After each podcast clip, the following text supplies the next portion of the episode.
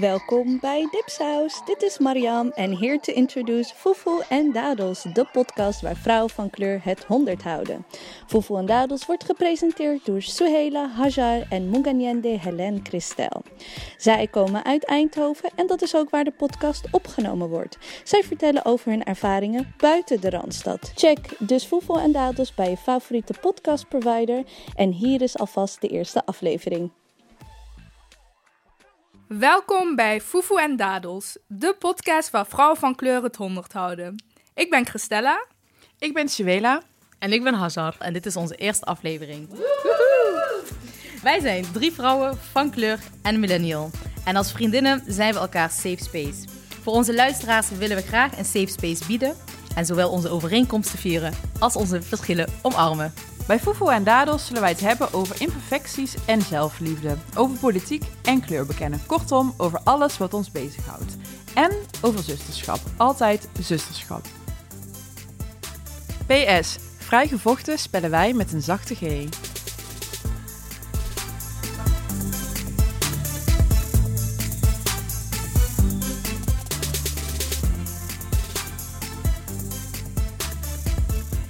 Is het wel leuk om te weten dat we bij jou thuis zitten, Sehela? Ja, dus zeker. Ehm, ja, wij zitten inderdaad bij mij thuis in eh, Eindhoven, Woensel-West. En ehm, ja, wij zitten hier wel vaker. We hebben hier wel vaker eh, een goede en belangrijke gesprekken. En de podcast gaan we ook ehm, ja, hier opnemen. Elke aflevering, als het goed is. Ja, en wanneer hebben we het eigenlijk bedacht dat we met z'n drieën een podcast wilden gaan beginnen? Ja, onze ontstaansgeschiedenis is eigenlijk wel eh, bijzonder, hè? Kunnen jullie Ja. dat even vertellen? Ja, wij gingen eh, naar het theaterstuk van eh, Daria Boekfiets. eh, zij is de regisseur van het theaterstuk Melk en Dadels. Ehm, en het was voor ons ehm, eigenlijk voor het eerst dat wij onszelf konden eh terug herkennen in de personages in dat theaterstuk. Ja. Ehm, en dat, ja, dat was, ja, was heel bijzonder. was heel eh, ontroerend. Dus het was sowieso een, een supermooi stuk. En ja. Ja. vooral die representatie. Ja. ehm, ja, dit is echt zo'n voorbeeld. eh dankjewel, Sehela. Ik ga even onze namen vaker noemen, zodat jullie ons, onze stemmen herkennen. Eh, dit, Melk en Dadels was ook voor, ja, voor ons allebei. En ja, ik spreek dan even vanuit mezelf persoonlijk. Een stuk waarin ik dacht van wow... Zowel wat die, eh, wat die dames meemaken als alle, alles wat ze bespreekbaar maken, alles klopte gewoon. Niks was weggenomen en niks was mhm. extra gedaan. En dat zie je heel vaak wel in theater. Wanneer een, iemand van kleur theater maakt of een stuk, dan gaat het altijd of alleen over een bepaald racismeprobleem... of alleen over eh, hoe, hoe witte mensen naar ons kijken. Maar Melk en Dadels ging over eh, lesbisch zijn in de Marokkaanse gemeenschap... maar ook over eh, eh, werk zoeken, ook over een verantwoordelijkheid geven aan een meisje van 11 jaar... omdat de ouders niet goed Nederlands kunnen. Mhm. Dus alles kwam daarin terug. En dat eh, ja, was super, super mooi. Ja, en ja. toen was daar die WhatsApp-groep. Ja. Toen hebben Dus- wij eh, ja, de naam zeg maar afgeleid. En toen inderdaad was de, de WhatsApp-groep. Ja, eh, dus eh, ja, op een, eh, op een klamme vrijdagavond toen ik mij een beetje verveelde, dacht ik, eigenlijk wil ik wel even een WhatsApp-groep met deze dames, waarin wij ook een beetje onze eigen ervaringen kunnen delen en Hm. ja, onze hebben en houden in kunnen stoppen. Dus ben ik de WhatsApp-groep eh, met de naam Fufu en Dadels begonnen, omdat ik dus zoveel hoorde van hun over dat theaterstuk. Wij zijn trouwens twee keer naar de theatervoorstelling geweest. hè? ja, we zijn er twee keer geweest. Oh, Zo en leuk en maar het. twee keer, omdat de rest was uitverkocht. Ja. Dus, eh, Moet je nagaan het enthousiasme. Meiden die nooit naar het theater gingen, want eh, ja, geen representatie die er nu... eh, Yep. En dus eh, zodoende Fufu en Dadels.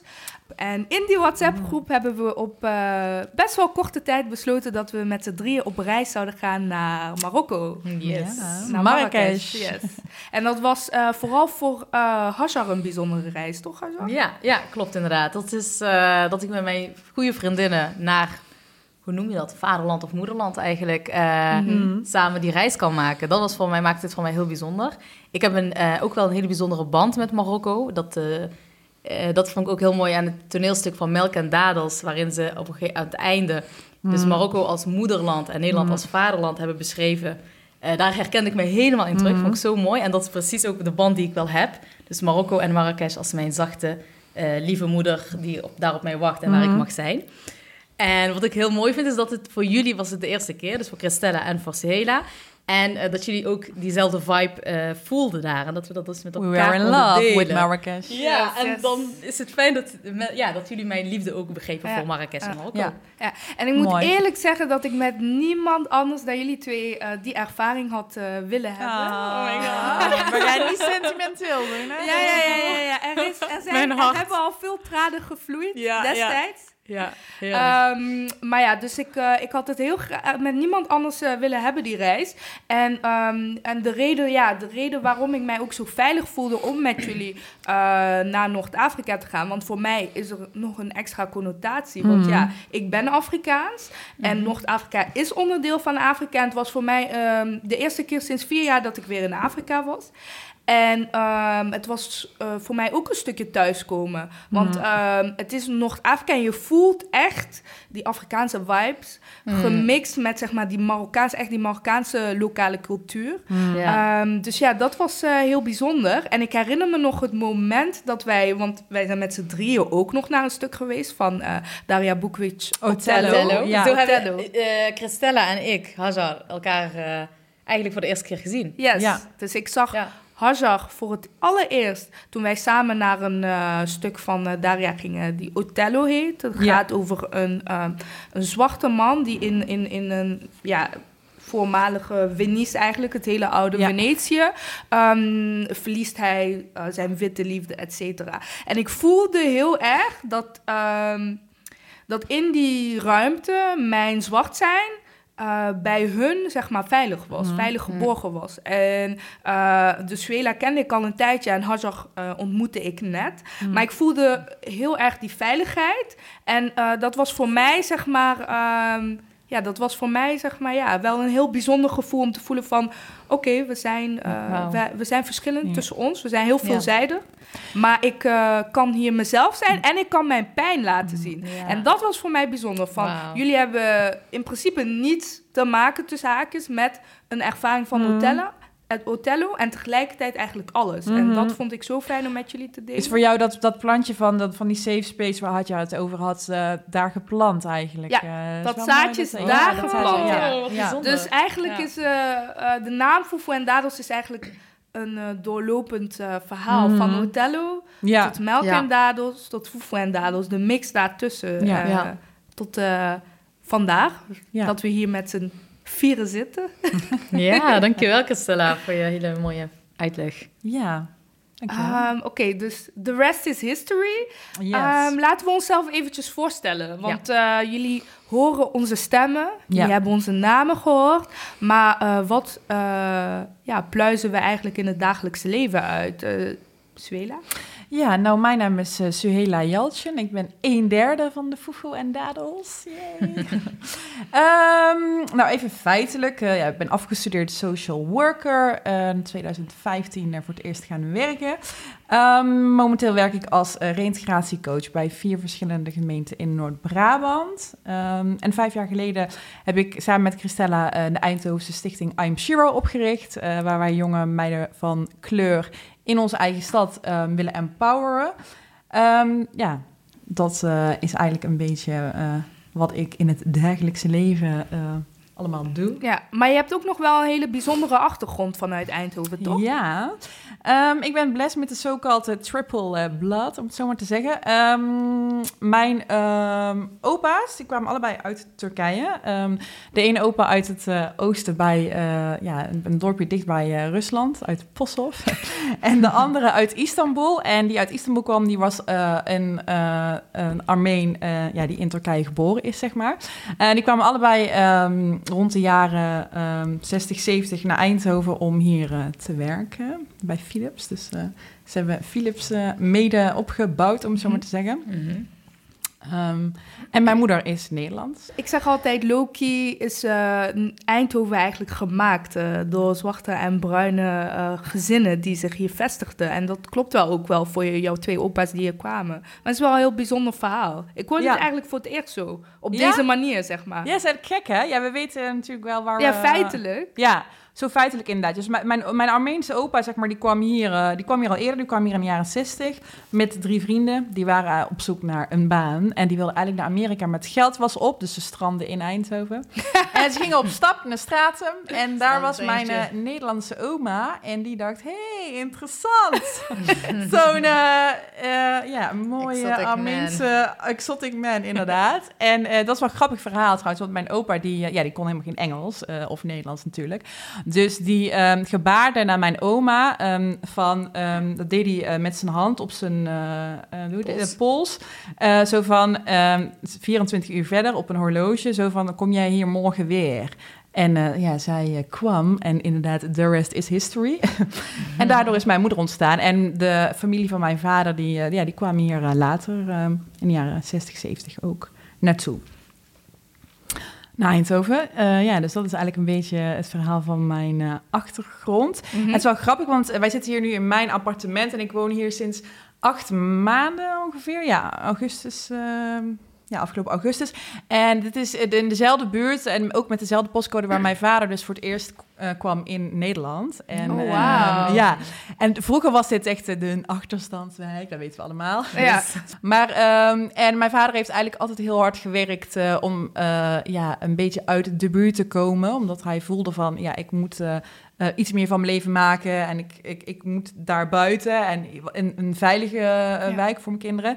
Ehm, en ik ben hier nu, zeg maar, terug verhuisd. Omdat eh, ja, ze hier nu superveel initiatief hebben. En ik het gewoon heel leuk vind om lekker in de multiculti... Het is wel heel grappig, want toen ik zeg maar jonger was, als je mensen dus vertelde van hij komt uit Eindhoven, voornamelijk uit Woensel, dan was Ja. het daar waar ze naar refereerden. En ik dacht, ik vond het zelf altijd irritant en ik dacht van, hè, hoe kan dat? Ik bedoel, het is meer, we zijn meer dan dat en ook, het is niet zo hype. Het is ook gewoon onze echte leven of zo. ja. Maar ik weet nog dat ik ehm, eh, op veel oudere leeftijd, ik denk pas op mijn negentiende of zo, ging ik pas voor het eerst naar de Belmer.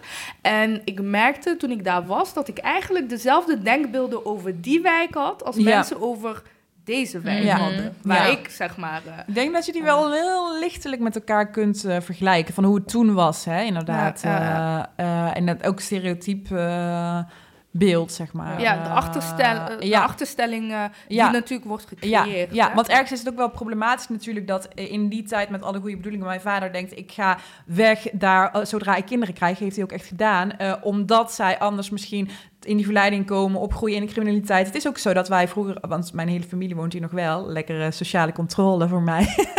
maar eh, eh, Jouw, Tur- jouw Turkse kant van ja, hè? de, de Turkse kant van mij, ja, die wonen allemaal, allemaal in één straat. lekker typisch gezellig, superleuk. Ehm, maar hij, hij had heel erg het idee van juist, ik moet daaruit weg. En dat klopt, omdat wij, toen wij vroeger... ehm, elk weekend hier op bezoek gingen. Toen, ik kan me ook nog wel herinneren dat er spuit op de grond lagen... of dat er een, Ja. een vrouw aankwam kloppen... of dat Oh. er gunshots waren, dat we, we moeten naar binnen... want er is, eh, wordt de straat afgezet. Dat was gewoon elk weekend gaande. Mm. Ehm, en ergens v- snap ik dan wel dat hij dacht van... nou, ik wil eh, ergens anders naartoe... zodat zij ook ah, andere vriendjes, vriendinnetjes kunnen maken. Ehm, ehm, maar nu, hè, met de wijsheid die eh, wij nu hebben... snap ik ook wel dat het natuurlijk problematisch is... om een wijk zo neer te zetten... en om niet te kijken naar de verhalen achter Ja. ehm, die huizen... en Ja. waarom dat allemaal zo is. En ehm, ja... En, en ook de wijk waar je ouders nu wonen. Ja. Daar eh, zit ook... eh, ja, daar, daar gebeurt... Dat is... ja, hè, de- een hele witte wijk wel, maar daar zitten meestal wel die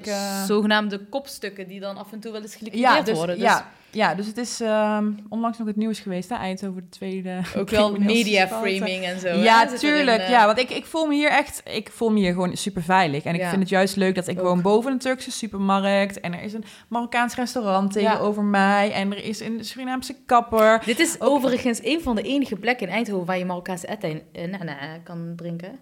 Wou ik zeggen, dat Ja. hebben wij maar hier, hè? Shout out! Shout out, shout out, shout out, shout out.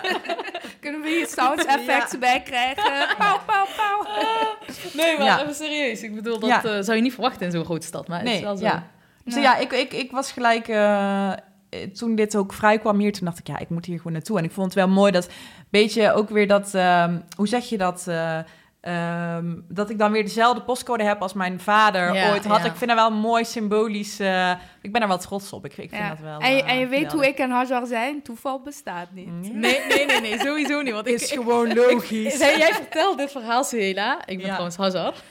jij vertelt dit verhaal en ik eh, zit al meteen te denken aan een gesprek dat ik met mijn moeder heb gehad, gisteren toevallig, ook over onze wijk waar wij nu wonen. Mhm. Dat zij een deel van haar jeugd daar heeft eh, gespend. En dat ze ook zei van, en dat ik gisteren toevallig tegen haar zei van, wow, vind je dat dan niet bijzonder dat je eigenlijk woont in de buurt, waarin je, want zij wonen dan iets verder weg, maar dan moest ze wel doorheen fietsen, waarin je eh, gewoon een groot deel van je leven wel hebt gespeeld, vriendinnetjes Ja. hebt Dus zij woonde, dat haar, haar kinderjeugd had zij ook daar, in die wijk waar jullie ja, nu wonen. Ja, ja, Ja. ietsjes verderop. Maar Waarin ze kwam wel, ze- dit was dan, wat, waar we nu wonen is dan wel iets, wat luxer dan waar Ja. zij hebben gewoond. Ja. En dat ze daar dan wel in de buurt is gebleven. Dus ook de kans heeft om mensen tegen te komen uit haar jeugd. Ja, En, dat ze, wauw. en dat ze vertelde van, ja, maar dit was eigenlijk ook wel wat ik wilde. Ik wilde heel Ja. graag in deze huizen van deze kant van de wijk Ja. wonen. En dat ze dat nu heeft. En dat jij de postcode van jouw vader hebt. Ja. En dat komt voor mij nu Ja. allemaal bij elkaar, jongens. Een typisch eh, tweede generatie migrantenkinderen verhaal, hè? ja. En wat is jouw verhaal, Hajar?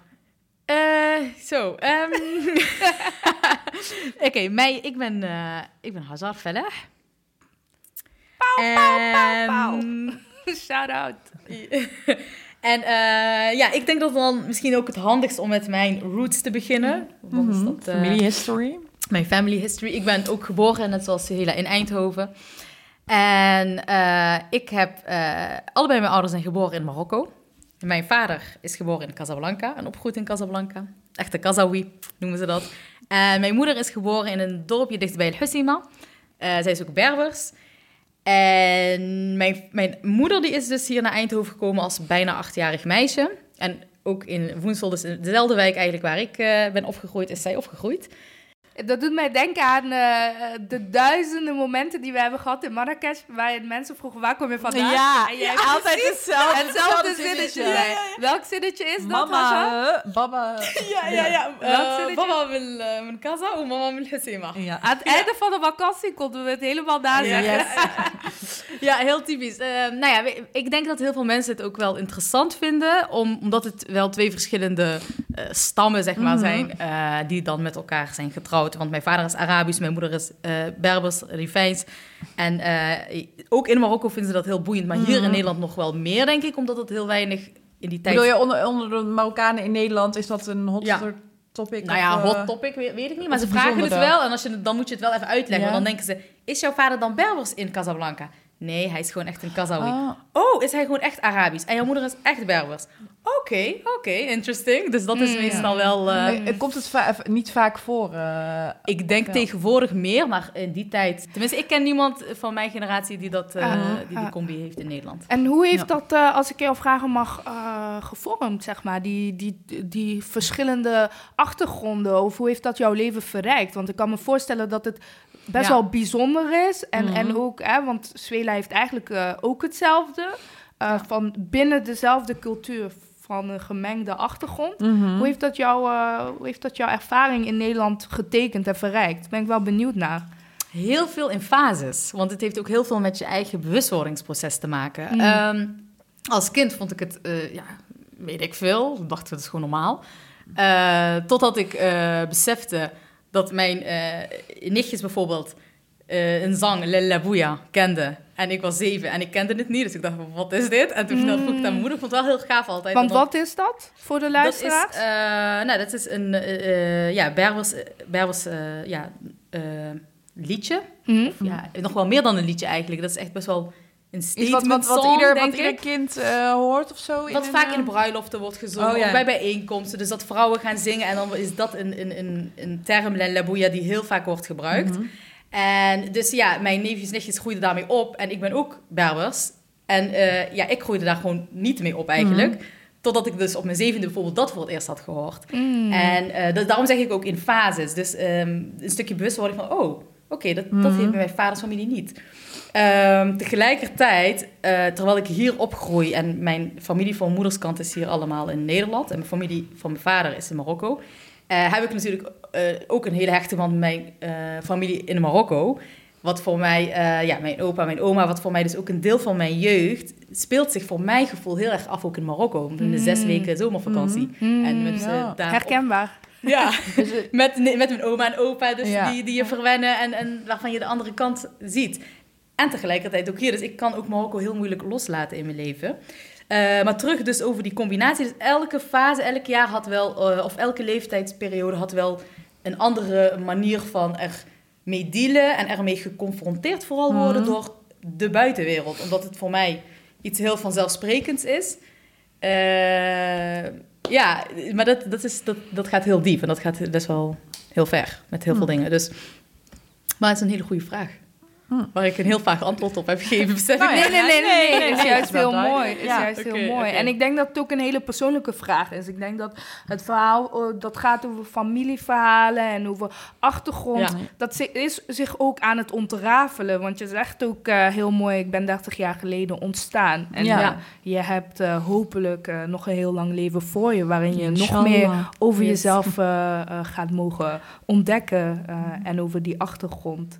Maar ik ervaar het zeker als verrijking. Ja? Omdat ik van allebei de Mooi. culturen heel veel... Of, eh, het is natuurlijk gewoon Marokkaanse cultuur, maar er, zitten, er zijn wel twee subculturen waar ik allebei de kanten, de lelijke kanten en de hele mooie kanten Mm. van ken. Mhm. En ook, eh, toch ga ik even terug refereren naar het stuk van Daria, de, van de Melk en Dadels.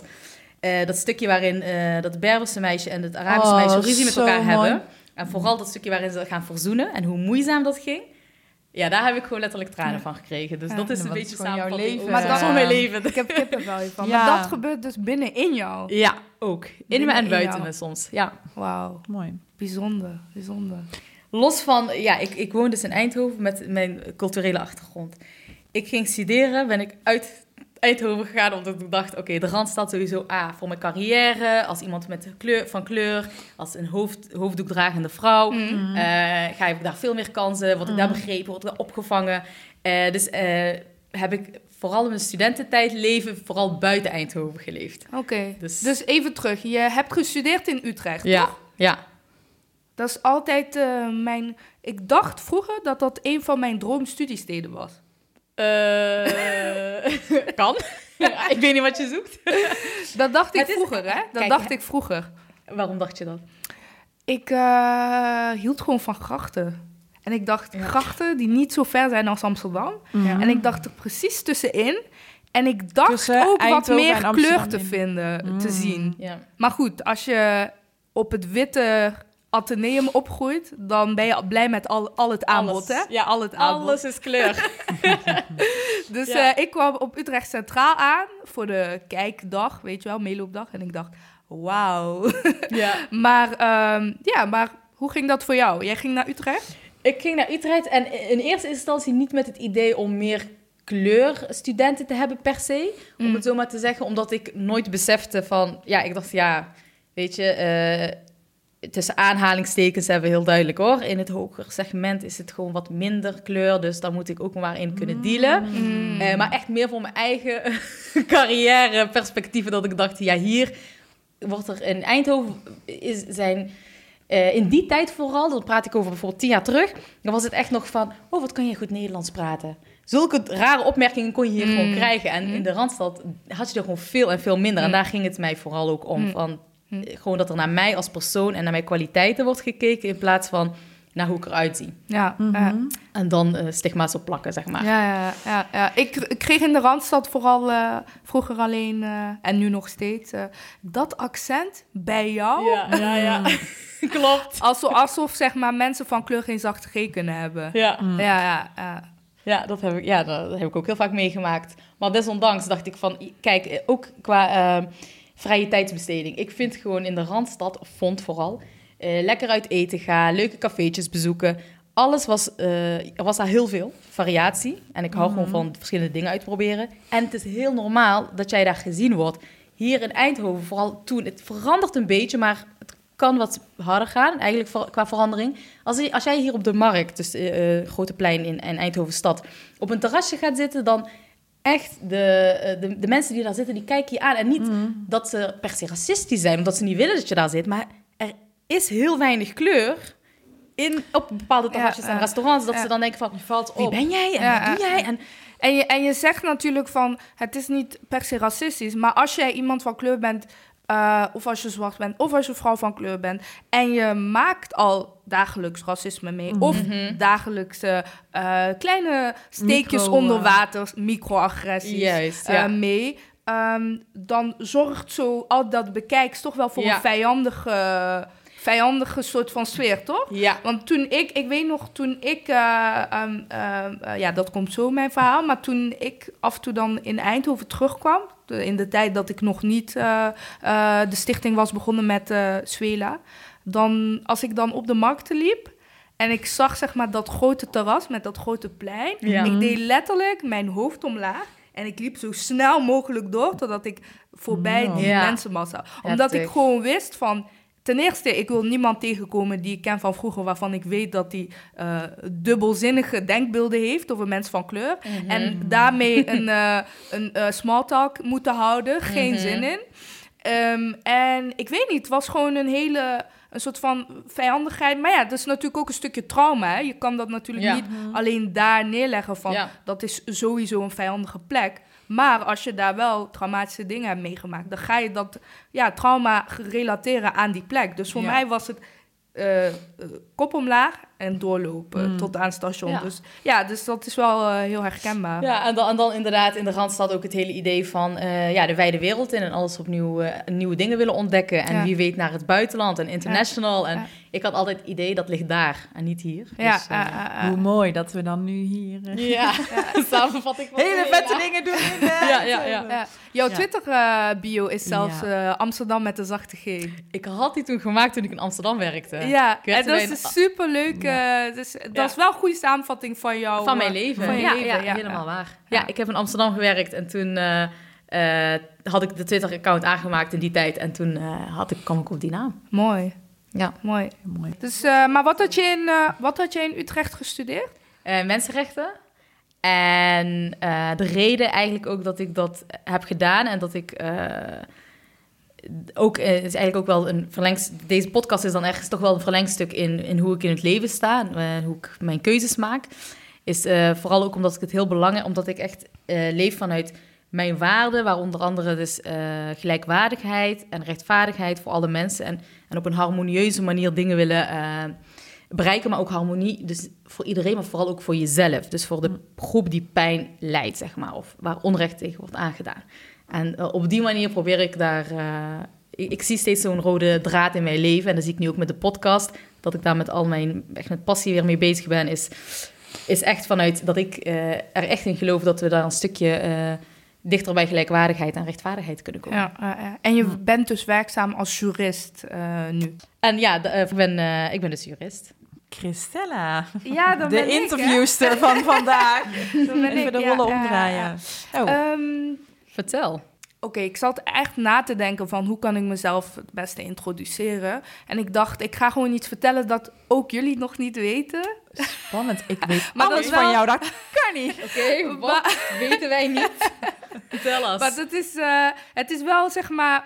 eh, ja, het is gewoon heel erg gerelateerd ook aan mijn leven... het leven dat ik heb gehad in Eindhoven.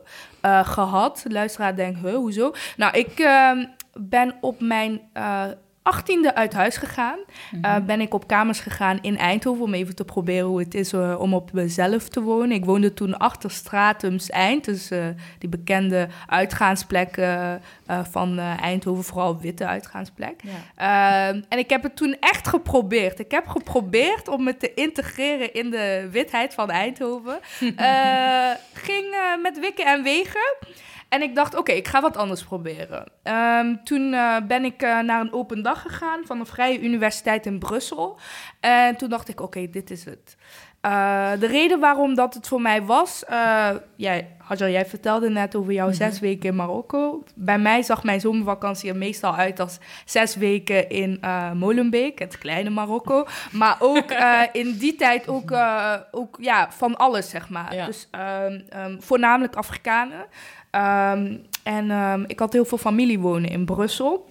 Een hele goede tante van mij. Van een hele goede vriendin. Hele hoor. goeie. Maar anyway.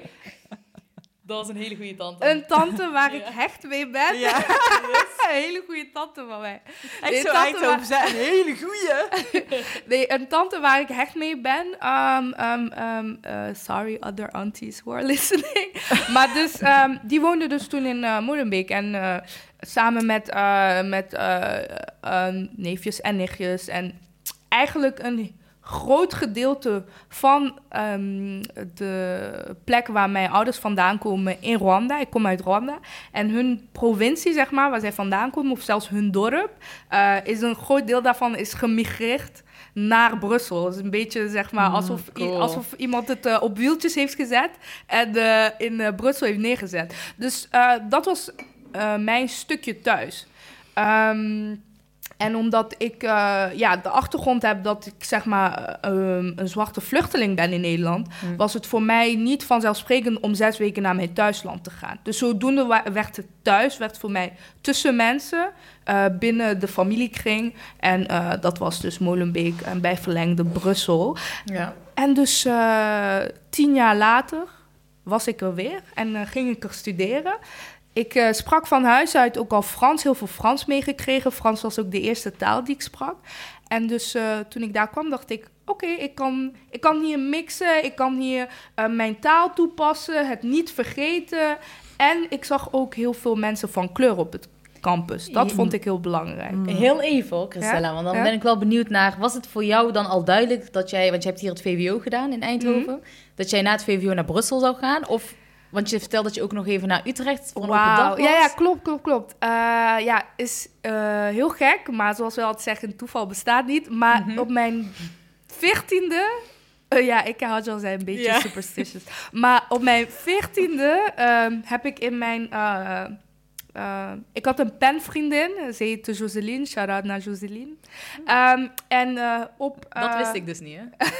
ik had een penvriendin, want in die ja. tijd had je geen mobiele telefoon. Mm. Zeker niet als jij een kind van kleur was. Ja, dus dachten, wat denk jij, mobiele telefoon? Dus ik had geen mobiele telefoon. De enige manier om te communiceren toen een beetje... Ja, we zijn, we, wij als zeg maar wat oudere millennials zitten wij een beetje wij, wij zijn de laatste generatie die opgegroeid zijn zonder internet. Hè? Ja, ja. En met de Destiny's Child, zeg ik, ik altijd. Uh, ja.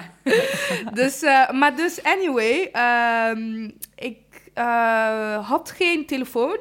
En ik had een penvriendin. En de enige manier om te communiceren destijds was brieven schrijven naar elkaar. Oh, uh, en als je, weet je nog, als je mensen ging ophalen thuis, ging je gewoon aanbellen. Ja. En dan wachten of iemand thuis was. Dus ja. niet thuis was, ging je weer naar huis. Ja. Dat was gewoon het leven toen.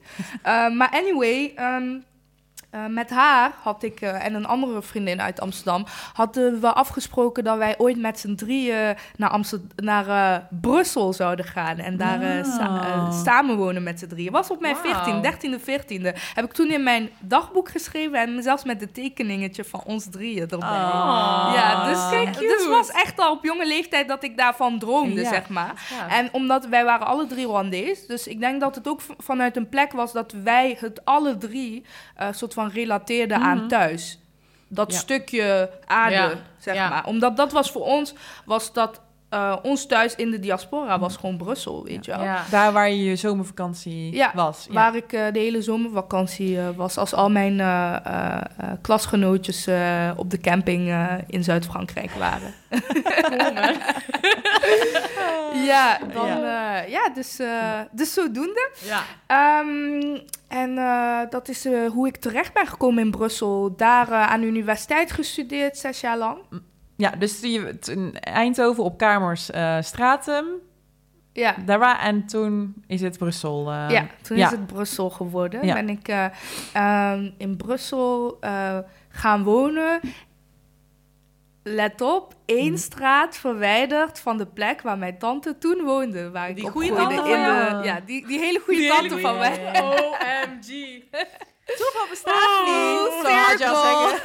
Wauw. Full circle, hè? Hey, dus, we, we, wow. Ja, we hebben alle drie zo'n verhaal hey, we hebben echt naar onze verhalen komen... In ons eigen verhaal komt bij elkaar samen. En vervolgens komen we... Ja. Het postcode verhaal. Wauw, ik vind het echt... Ja, ik moet het even laten bezinken. Wauw, echt mooi. Maar is het huis waar je nu woont? Waar we laatst bij jou waren? Nee, denk het centrum? Of nee. is het een ander huisje? Um, Zwela is daar wel al ja. geweest.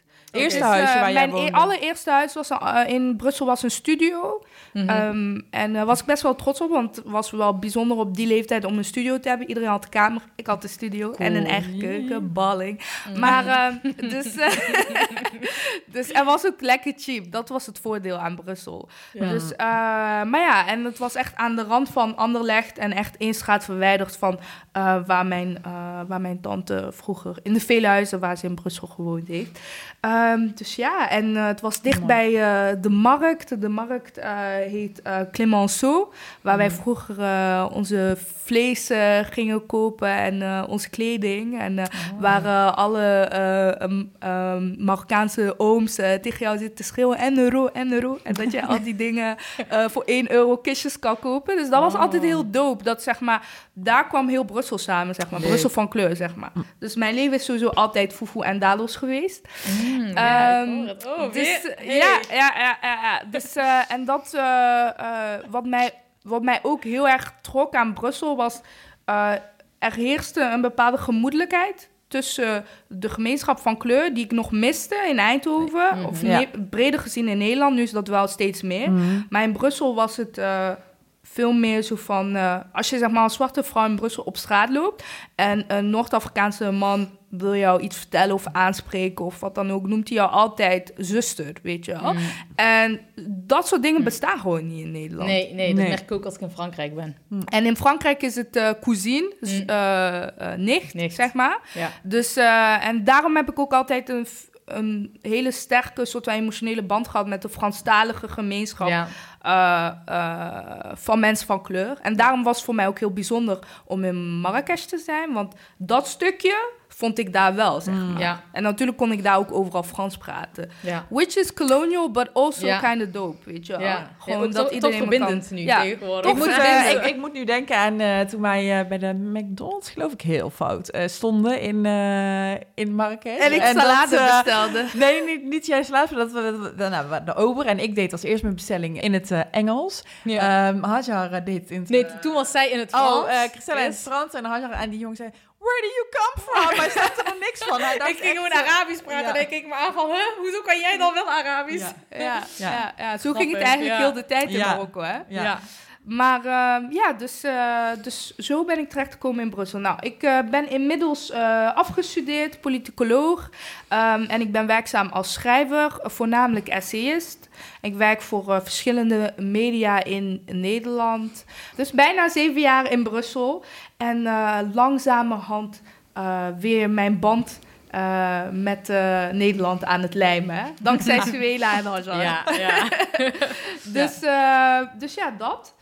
En wat ik ook nog met jullie wilde delen, mijn naam. Want er is altijd commotie en, en, en, eh, Ja, en ja. confusion over mijn naam. En dat was ook een stukje waar wat ik zei van... oké, dat weten jullie ook nog niet. ja. Eh, dus het hele verhaal van mijn naam voor eens en voor altijd... Oké, is- tell us.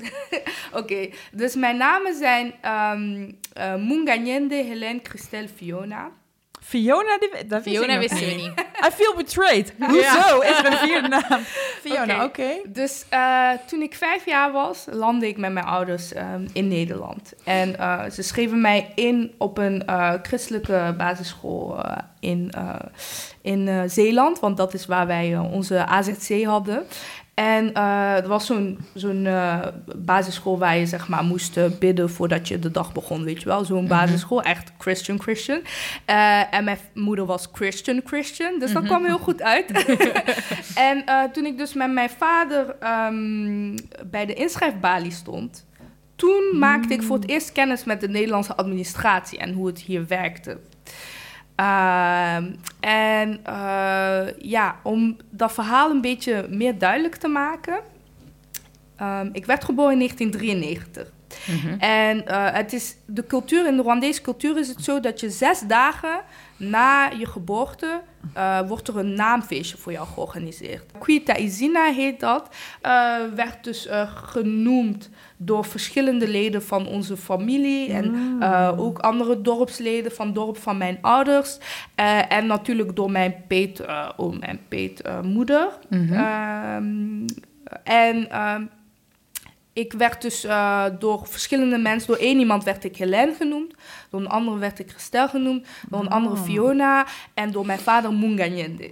Hmm. Ehm, en Munganyende betekent, eh, letterlijk vertaald betekent het wie anders. En de interpretatie Ah, daarvan is, cool. eh, niemand zal jou overstijgen of niemand kan jou het zwijgen opleggen. Oh my god. Dus, mooi. Jij doet jouw ehm, naam echt eer aan. dus, thank you, thank you, thank you. Way to make it awkward. maar dus, eh, mijn vader eh, had dus hoge verwachtingen van mij, zo kan je het wel zeggen. Tegelijkertijd heeft dat een connotatie. Ehm, waarom kreeg ik drie Franse namen? Er is Ja. zeg maar, eh, toen België... omdat België Rwanda heeft gekoloniseerd, zijn er heel, is er heel veel verkerkelijking plaatsgevonden. Dus zeg maar dat alles meer christelijk werd, zeg maar. Mhm. En de oude religie van Rwanda, eh, wat meer een natuurgodsdienst was, die Ja. ging weg, zeg maar. Mhm. Uh, en dus ehm, wat er gebeurde is dat ehm, jij je kind niet mocht zomaar laten dopen als jij jouw kind alleen maar Rwandese namen gaf. En dus heb ik Heftig. drie Franse namen. Om Ja. die reden, omdat eh, de, eh, ja, de, zeg maar, de priester van die kerk ha- had mij waarschijnlijk niet willen dopen als ik Ah. alleen Munganyende Mhm. heette, zeg maar. Wanneer is, eh, sorry dat ik onderbreek, hoe lang is eh, Rwanda vrij, of ja, Onafhankelijkheid, Onafhankelijk van, onafhankelijkheid ik weet alleen dat het op dezelfde dag is als Somalië. Maar, ik welk weet niet jaar? hetzelfde jaar. Ook in de jaren 50, ga 60? even- ja, maar ik het is wel in de jaren googlen, 60. ehm. Het is wel in de Oké, jaren dus 60. wij zitten in 93 Ja. en we leven in de regels van de ja, ja, ja, oké. neocolonialisme, neocolonialisme. Dat verklaart meteen mijn grote ongemak met mijn naam. Want het is heel mooi omdat het gegeven is aan mij door eh, mensen die mijn ouders lief hadden en die mij dus als hun kind lief hadden. Welk jaar is het, Vela? Eh, 1962. 1962. Oké. Ja, ja. Ehm, en tegelijkertijd eh, eh, ja, is, heeft het heel veel invloed van het kolonialisme. Ja. Mijn moeder is ook nog opgegroeid in eh, koloniale nonnenscholen. Dat is Ja. waar zij haar hele middelbare school heeft ge- ge- gehad, zeg maar. Toen ik...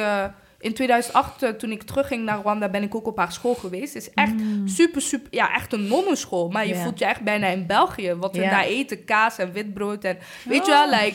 Het is gewoon een stukje België in, eh, in Rwanda. Ehm, Crazy, man. En dus dat is het verhaal van mijn naam. En toen ik daar dus bij de inschrijfbalie met mijn vader stond... was er dus een soort van eh cultuurshock en zeg maar... ehm, soort van confusion. Want die, die vrouw aan de balie vroeg van... hoe heet uw dochter? En hij zei eh Christera. Want in het Rwandees, omdat Frans een koloniale taal is... eh, Hm. eh, zijn heel veel dingen die Rwandese ouders niet kunnen uitspreken. En Ja. de L is er één van, want de L bestaat niet in eh Rwanda. Alles is met de R. Ook als je L schrijft, spreek je Ja. het uit als de R. Ja. Dus, en daarna wordt het gevolgd door een A. Dus daarom spreken mijn ouders mijn naam uit als Christera. En toen zei die vrouw, oh, Christella, wat een mooie naam. En sindsdien ben ik Christella. Oh. En toen, toen vroeg eh, die vrouw... Maar "En het, wat het, is- het, wat, eh, wacht, het was... Jouw peetoom heeft, of, of iemand heeft jouw Christer... Ja, ze hebben dacht- mij Christella genoemd. Christer Ra, gewoon ja, de R alleen. maar Ja, als, ja, als ja. fon- dus je hebt in het Rwandees heb je Maar als fonetisch- bedoeling Ja. was... Is, was eh, Ja, je hebt in het Rwandees heb je fonetische naam. Ja. Dus zeg maar hoe Rwandezen de Franse Uitspreken. naam uitspreken. oh, ja. ja. En daarom eh identificeer ik mij ook niet als Christel. Want Nee. ik word nooit zo genoemd. Nee. Ook niet door mijn ouders. Ze zeggen altijd Christella. Maar wat staat er Ja. in je paspoort? Als, je schrijft het als Christel, zeg maar. Ja. En Ja. ik zeg altijd, je spreekt het uit als Christella. Want dat is hoe, hoe mij altijd is aangeleerd dat je het uitspreekt. Ja, wat wat, wat ja, ik ook in, in, in interessant in jouw namen vind, is dat voor, mensen hè, in de Randstad die jou kennen vanuit je werk en jou Helene noemen. Ja. En, en wij, de Eindhovense eh jeugdvrienden, Noem die mij nog zeggen altijd Christella. Christella. Dat is eh, altijd al. Ja, dat, dat vind ik ook en wel wanneer een... wil jij eh, Munganyende genoemd worden? Oké, dus dat is het eh, stukje waar ik nu in zit. Zoals jij zeg maar het ontrafelen van jouw achtergrond... Mhm. als eh, ja, Marokkaanse van twee eh, verschillende achtergronden binnen Marokko. Zo heb ik dat ook met mijn naam, Munganyende. Dus toen die vrouw mijn naam had gezegd van, oh, Christella. Terwijl mijn vader zei Christella. Maar hij dacht, oké, whatever. These people will call her Christella. So I will call her Christella. En ehm, zij schreef mij in als Christella. En toen vroeg die vrouw van, eh, en wat is uw achternaam als ik vragen mag? Dus mijn vader zo, eh Shirambere. Achternaam bestaan niet in het. Nee. Weet je wel, maar hij dacht, ik word mijn achternaam gevraagd, dus I guess I will say my name. Maar dat is niet mijn naam, snap je? Mijn naam Ja. is Munganyende. Dus sinds die dag was ik Christella Shirambere. Oké. En zo heb iedereen mij gekend. Mijn hele basisschooltijd, van Zeeland, van Terneuzen tot Eindhoven, tot aan eh, mijn eh, zesde eh ateneum Mhm. op het Mhm. Stedelijk College. Iedereen kende mij als Ja. Christella. En de eerste keer dat mijn klasgenoten mijn volledige en eigen naam hoorden, was tijdens de eh eindexamen toets, dat weet ik nog. Toen werden alle namen op, omgeroepen, want dan moest allemaal, ja, zeg maar, je government name zijn, weet je wel. Dus dan Mhm. is dat mijn government name. En toen riepen ze, Helen Christel Munganyende om. En iedereen keek om zich heen, who is that? En ik stond Ja. op, al mijn klasgenoten keken mij aan van, who are you? weet je wel, wij kennen jou niet. Ja. En eh, ja, zodoende, zodoende, dat is eh, eh, het verhaal van mijn, eh, van mijn naam. En ik Mooi. werk eraan het bewustzijn waarin ik eh, mij volledig op mijn gemak voel bij het feit dat mensen mij Munganyende Mm. noemen. Vooral omdat het in Nederland zo slecht wordt uitgesproken. En ik heb dan het gevoel van, ik heb liever dat je het niet zegt, dan dat je mijn naam geen eer aandoet. Dus dan noem mij liever Christella. Dus En wat wil, hoe wil je dat wij je noemen? Chris. Chris. Want ik vind Munganyende Close wel vet eigenlijk only. om te zeggen. En ik heb het idee dat ik het goed uitspreek. Ja, ja, je mag, jij mo- jullie mogen het zeggen. Maar het voelt nog voor mij als een beetje een soort van heilig en Oh, fragile. Ja. Dus ik vind niet dat iedereen mij... Nee, ja, ik ja. weet niet. Het is nog heel gek. Oké, Het is nog heel gek. Maar dat gaat vast in de, eh, zeg maar in de reis van deze podcast eh, zich eh, ontwikkelen. Ja, mooi. Mooi. Laat het over aan het lot.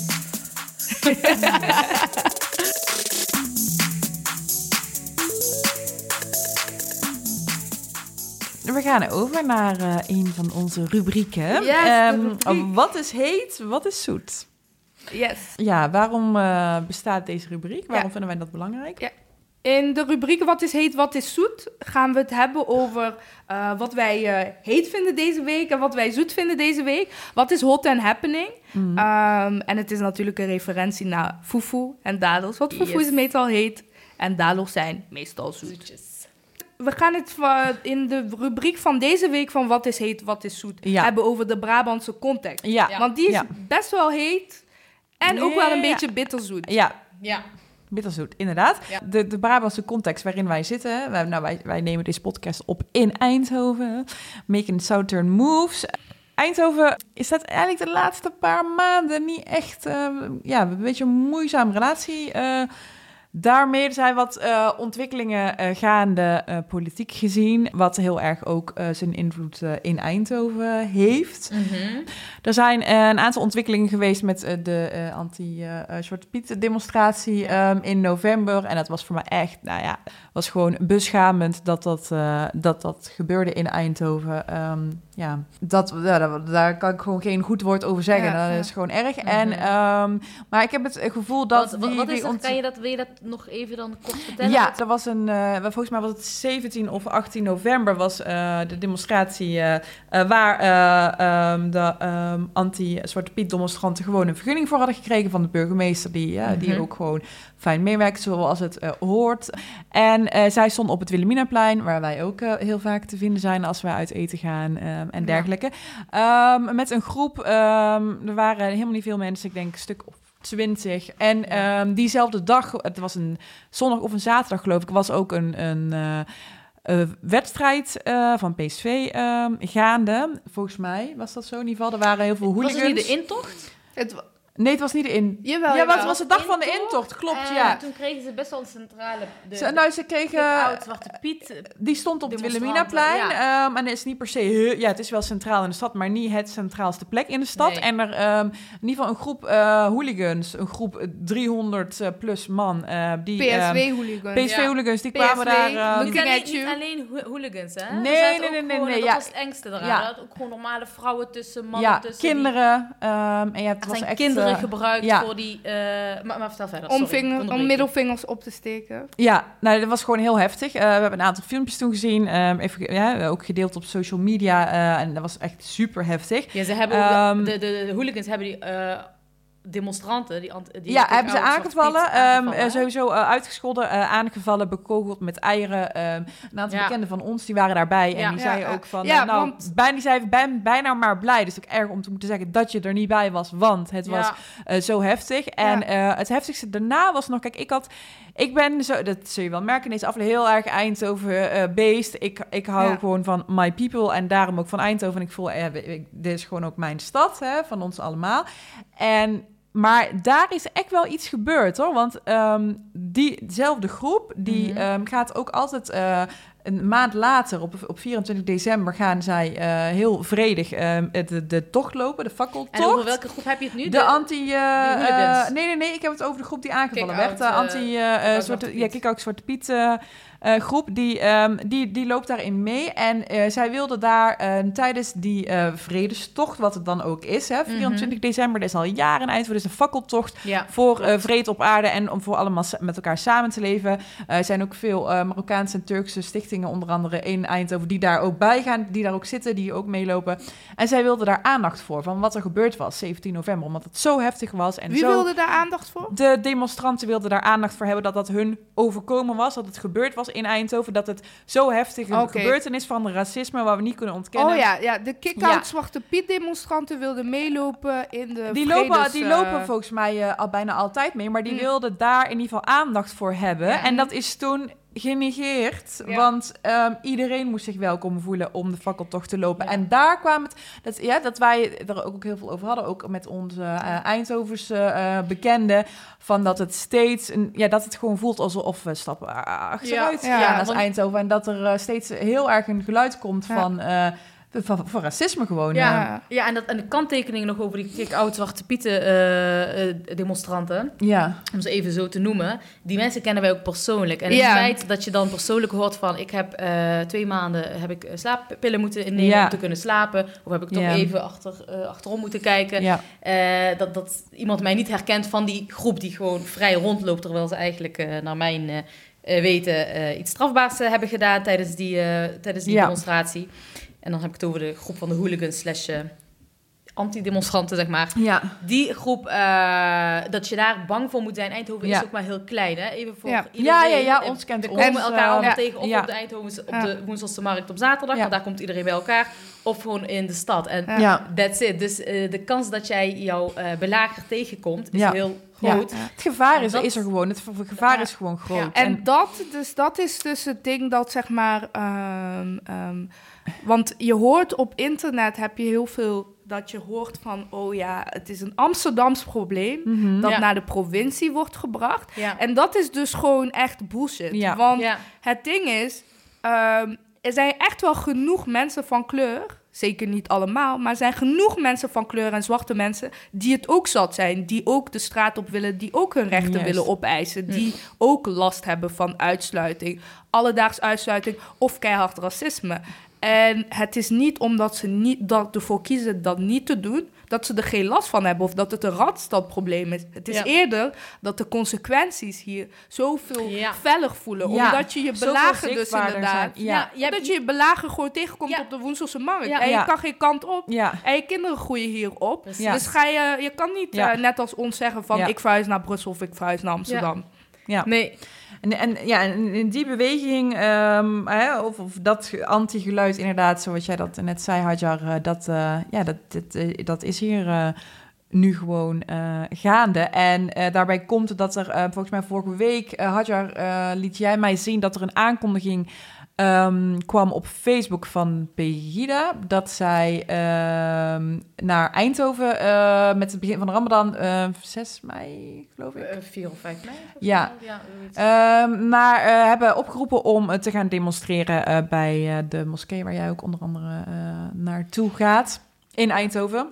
Ja, er Ehm, gaat, er gaat een, een flyer rond, zeg maar, eh, waarin Pegida heeft aangekondigd om voor de moskee in Eindhoven op de dag dat de Ramadan begint met z'n allen te gaan staan. En ik weet niet wat hun bedoeling precies is. Te demonstreren. Ehm, persoonlijk heb ik zoiets van, eh, ja, heel veel dingen die in me opkomen. Ehm, eh, maar, maar heel juridisch gezien, zeg maar, denk ik van, oh ja, heb je daar een vergunning voor gekregen? Mhm. En oh ja, gaat Eindhoven daar een vergunning voor Mhm. geven? De burgemeester die onlangs na de Christchurch eh, Church, eh, aanslag ehm, In de- diezelfde moskee, toch? Ja, of nee, waar was op, dat? op de eh? islamitische basisschool in de buurt heeft hij ons toegesproken. De mensen die eh Ja, die voor de context. Dat was na de, de Christchurch...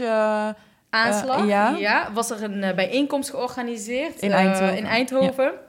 Waarbij de burgemeester ook is gekomen, wat wethouders geloof ik, de directrice van de basisschool en alle ja, mensen, omwonenden slash geïnteresseerden.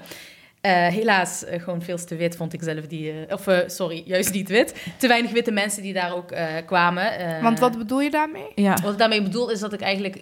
Ja, iedereen die daar kwam, die kende ik persoonlijk. Dus dat was of eh, uit mijn eigen community... of mensen die bezig zijn met, met dingen zoals waar wij mee bezig zijn. Ja, Ja. En, eh, en een paar buurtbewoners. ja. Die overigens, ja, super toffe mensen, maar te weinig stad. Niet heel Eindhoven zat daar. Ja. Of niet, geen Ja. belangrijke, niet alle belangrijke organisaties binnen Eindhoven. Ja. Of stichtingen. of... Miste, En- je, miste je de steun? Had je het gevoel dat eh, de Christchurch niet serieus werd genomen? Ik had het gevoel toen we daar zaten, en daarom zeg ik ook, ik- betwijfel, tenminste het zal me heel erg tegenvallen vallen van de burgemeester die daar hele mooie woorden had gezegd. En die Mhm. daar echt voor ons, en eh, ook vanuit zijn eigen hart sprak, van eh, wat ons is overkomen, dat eh, voelen we hier in Eindhoven ook.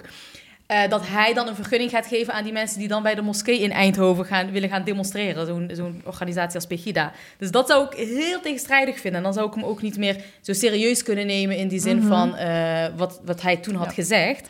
Want even voor, de, voor de record, Pegida die gaat, eh, die aankondigt aan te demonstreren puur eh, echt tegen eh, de, de, de islam. Hè? Niet eh, van, oh, eh, Ja, ja, gewoon, eh, ik denk gewoon provocerend zoals ze Ja, altijd willen ja. zijn. Eh, en dan ook specifiek de eerste dag van de Ramadan. In de Ramadan wordt de Mhm. moskee meer, vaker eh, Ja. bezocht. ja. En als zo'n en dan terug op jouw vraag, Christella, over de mos of over hoe ik me voelde, het Mhm. feit dat ik helaas niet verschillende mensen zag, verschillende kleuren zag, om het zo maar te zeggen, of terwijl meer de witte kleur zag.